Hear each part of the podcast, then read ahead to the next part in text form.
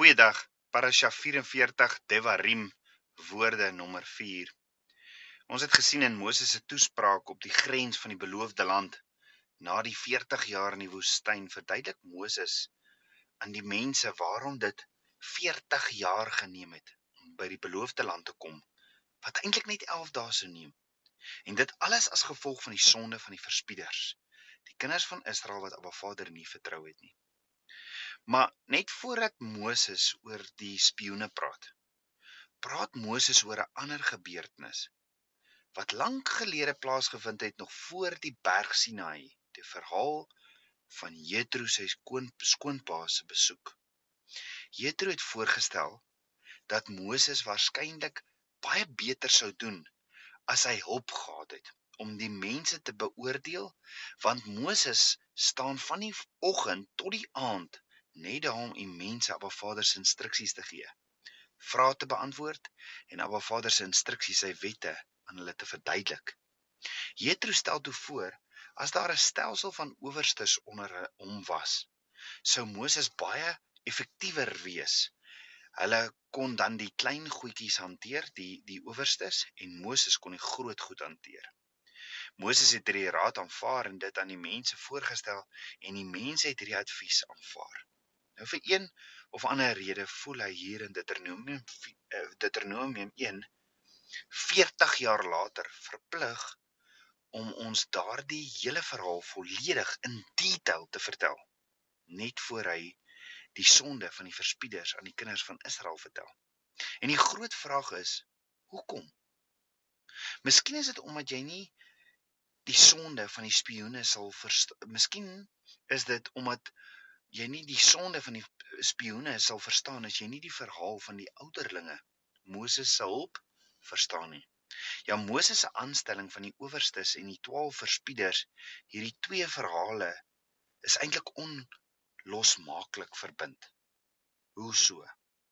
As jy die half 'n verhaal van Jethro se tussentydse owerste owerstes lees, soos wat Moses dit hier in Deuteronomium vertel, vind jy parallelle na parallelle met Moses se weergawe van die verhaal van die verspieders wat hy direk daarna gee. As dit net een of twee verbindings was, sou ons kon sê dis alles heel toevallig en dit geïgnoreer het, maar maar daar is die een op die volgende verbindings waarna ons moet kyk. Dit lyk asof al Moses se woorde oor die owerstes en sy woorde oor die 12 verspieders in mekaar in verweef is wat daarop dui dat hierdie twee verhale in werklikheid intiem met mekaar verbind is. Kom ek verduidelik. Moses sê in Deuteronomium 1 vers 6 tot 8: Die Here ons God het met ons by die berg Horeb gespreek en gesê: "Julle het lank genoeg by hierdie berg gebly trek weg en breek op en gaan na die gebergte van die Amorite. Met ander woorde, wat Moses sê is, ons was by Berg Sinai en Abba Vader het vir ons gesê dat dit tyd was om die beloofde land binne te gaan en om hom in besit te neem. Nou kom ons gaan kyk gou-gou ook na Moses se heel eerste woord aan die 12 verspieders in sy toespraak net 'n paar verse verder in Deuteronomium 1 vers 22 ag 20 vers tot 22. Toe het ek vir julle gesê: Julle het tot by die gebergte van die Amorite gekom wat die Here ons God aan ons sal gee. Kyk, die Here jou God het die land aan jou oorgegee. Trek op, neem dit in besit, soos die Here die God van jou vaders jou gesê het. Wees nie bevrees en wees nie verskrik nie. Met ander woorde, toe staan hulle net op 'n ander plek en Abba Vader het vir vir hulle gesê dat dit tyd was om die land binne te gaan en om hom in besit te neem. Dit is presies dieselfde ding wat hulle moet gaan doen. Gaan neem die land in in al twee verhale. Maar kyk wat gebeur na Moses dit vir die owerstes gesê het. Moses vra vir hulp. Ja Moses vertel vir ons in Deuteronomium 1 vers 9 en 14 in sy toespraak. En ek het met julle in die tyd gespreek en gesê ek kan julle alleen nie dra nie. Met ander woorde Moses vra vir 'n bietjie hulp. Hy sê dit is vir my moeilik om julle almal te beoordeel of te dra. Kan ek 'n paar owerste skryf wat my help met hierdie taak? En julle het my geantwoord en gesê die woord wat u gespreek het is goed om uit te voer. Dit sien ons in vers 14. Gaan kyk ons na wat Moses in sy toespraak spreek oor die verhaal van die 12 verspieders. 'n Paar verse af, dan staan daar in Deuteronomium 1 vers 22: Toe het julle almal na my toe aangekom en gesê: "Laat ons manne vir ons uitstuur dat hulle vir ons die land kan verken en ons berig kan bring aangaande die pad waarlangs ons moet optrek en die stede waarby ons sal kom." Met ander woorde, die kinders van Israel versoek Moses om 'n paar manne vooruit te stuur wat hulle sal help om die land vir hulle te verken. En wat sê Moses? Moses antwoord in vers 23: En die saak was goed in my oë sodat ek 12 man uit julle elke stam een man geneem het. Ons het al voorheen hierdie woorde ook gehoor. Dit was goed in my oë of dit was goed wat julle dat julle gevra het, nê. Nee. Met ander woorde, by die owerstes en by die verspieders is daar 'n versoek en 'n antwoord. En 'n goed in my oë So terug na die owers owerstes toe. Wat doen Moses toe? Deuteronomium 1:13 sê Moses bring tog wyse en verstandige en ervare manne aan volgens julle stamme dat ek hulle as julle hoofde kan aanstel. So Moses het die hoofde van die stamme geneem en hulle as hoofde van die owerstes aangestel. Wat het nou weer gebeur by die verspieders? Deuteronomium 1:23 sê sê Moses ek het 12 man uit julle elke stam een man geneem. Met ander woorde hier word ook verteenwoordigers uit elke stam geneem. En die eerste keer as owerstes, die tweede keer as verspieders, een uit elke stam. Wie verteenwoordig die 12 stamme? Die bruid van Yeshua nê. Maar kom ons lees aan, terug na die owerstes, ewe owerstes. Uh terug na die owerstes toe. Wat doen Moses toe? Moses gee die owerstes 'n opdrag. Moses sê in Deuteronomium 1:17 vir die owerstes: "Julle mag in die gereg nie partydig wees nie. Julle moet klein sowel as groot aanhoor. Julle mag niemand ontsien nie, want die gereg is die saak van God. Maar die saak wat vir julle te moeilik is, moet julle na my toe bring en ek sal dit in verhoor neem. Met ander woorde Moses het vir hulle gesê, behandel 'n klein saak net soos 'n groot saak. Gee almal 'n regverdige kans voor die reg. Wat het gebeur by die verspieders? Dink gou daaroor. Waarom was die mense bang in die verhaal van die verspieders? Hulle was bang dat die groot mense, die reuse, die klein mense, die kinders van Israel nie reg sal behandel nie, nê. Hoor, hoor hoe stel Moses dit in sy toespraak in Deuteronomium 1 vers 28. Hulle hulle het gesê, dit is 'n volk groter en hoër van gestalte as ons. Die stede is groot en tot aan die hemel versterk. Met ander woorde, die kinders van Israel maak toe 'n fout. Volgens Moses is 'n klein saak net so regverdig soos 'n groot saak, maar op een of ander manier is dit nie vir die kinders van Israel waar nie. Nee, hulle is bang en dink klein mense is klein mense en groot mense is groot mense. Hulle kyk vas in die omstandighede in die grootte van sake. Terug na die owerstes toe. Wat sê Moses na die klein sake wat net so belangrik is as die groot sake? Wat sê hy daarna? Moses sê in Deuteronomium 1:17 verder: "Julle mag niemand ontsien nie, want die gereg is die saak van God.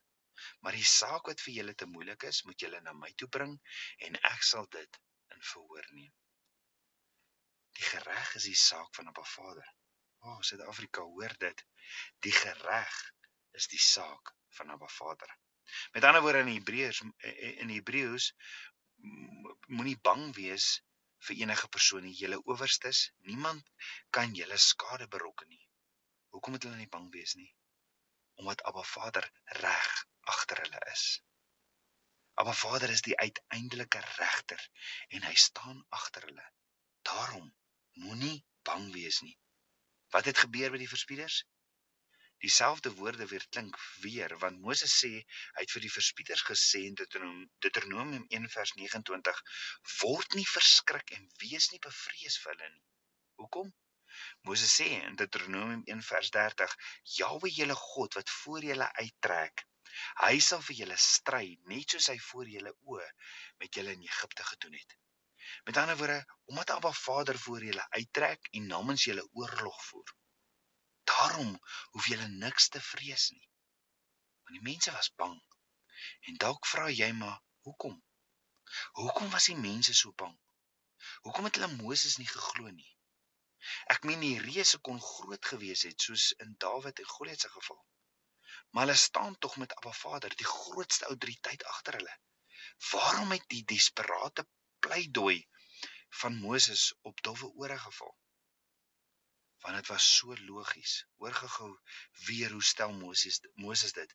Moses sê: "Jahwe julle God wat voor julle uittrek, hy sal vir julle stry, net soos hy voor julle oë met julle in Egipte gedoen het." Hoe het Moses geweet Abba Vader sal voor hulle uittrek en vir hulle die geveg veg? Moses praat uit ondervinding uit, nê? Nee. Hy sê dis wat Abba Vader in Egipte ook met hulle gedoen het.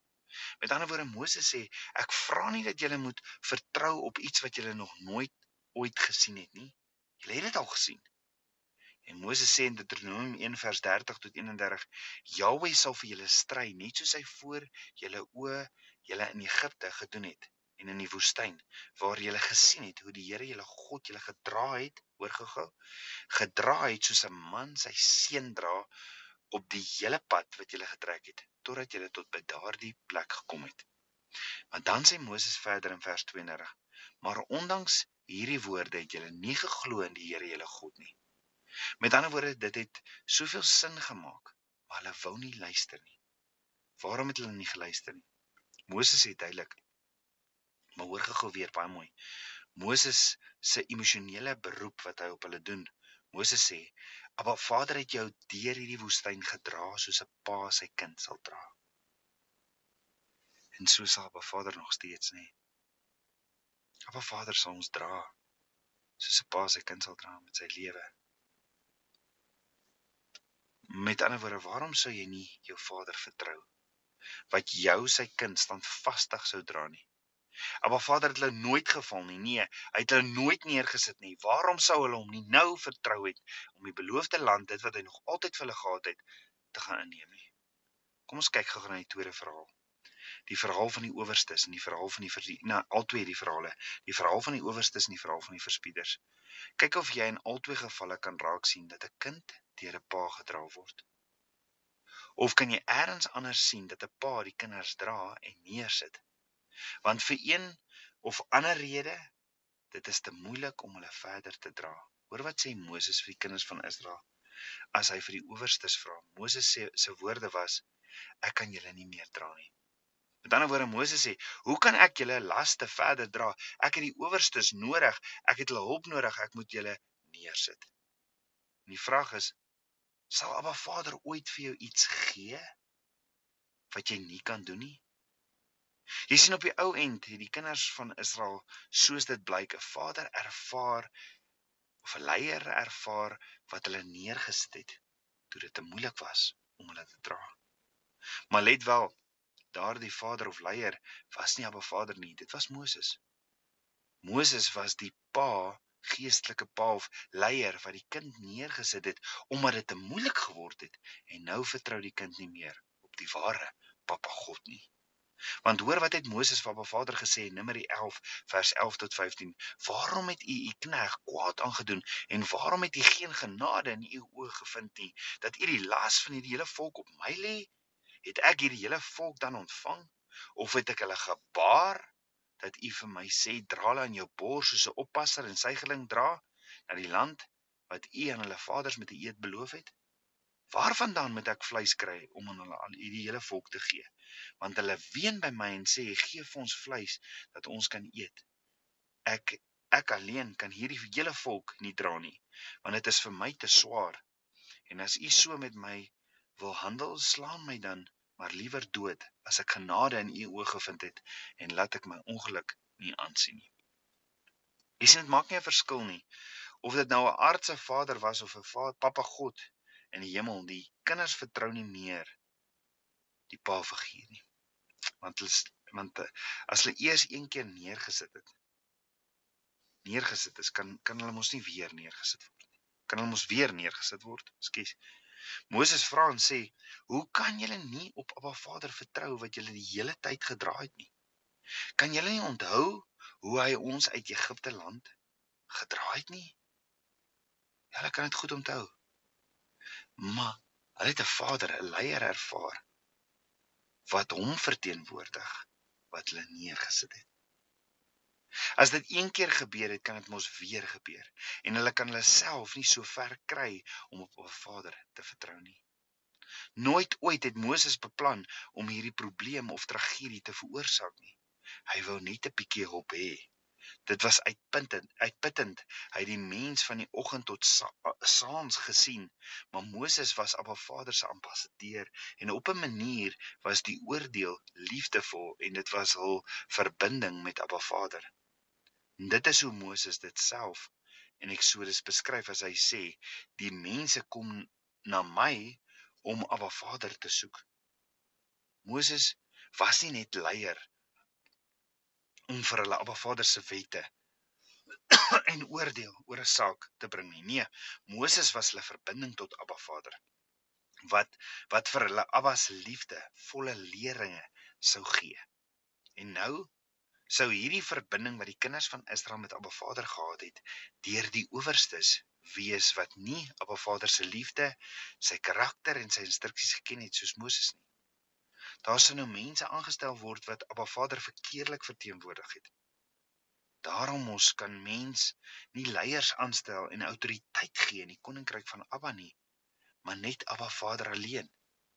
Dit moet 'n opdrag van Abba Vader wees.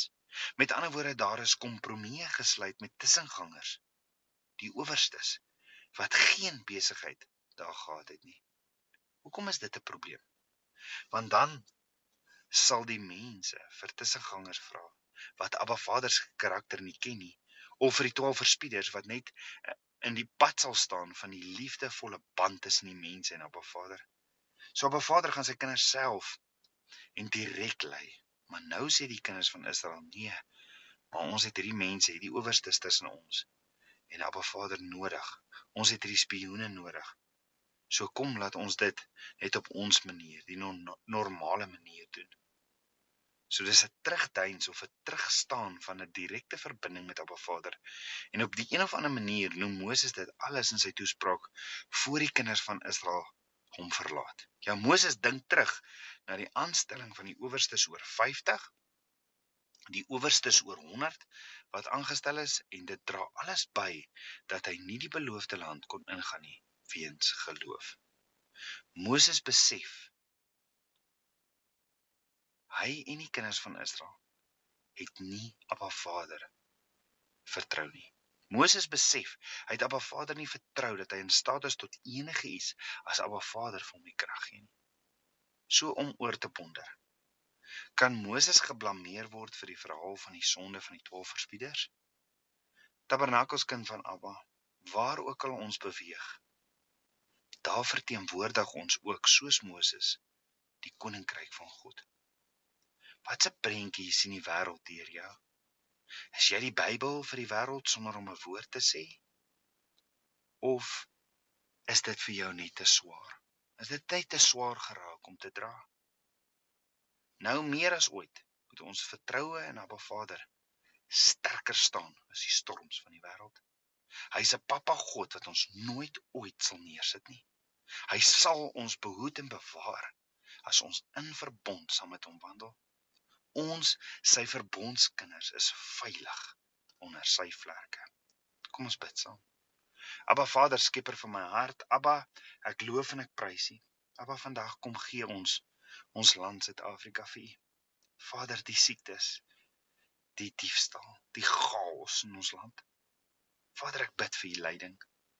Abba, ons vertrou U kom neem bestuur en leiding oor in ons land. Vergewe ons ons sondes, vergewe ons ons Vader, vergewe ons ons gedagtes, vergewe ons ons sondes. Ons draai terug na U, Abba. Was ons met die waterbad van U woord en mag ons o o skille afval. Abba, ek pleit vanaand in Yeshua se naam vir revival. Laat U wil, laat U wil alleenlik geskied, Papa God. Meer en meer van U. Bid dit alles in Yeshua, Messie se naam, die seun van Jahweh. Amen. Shalom.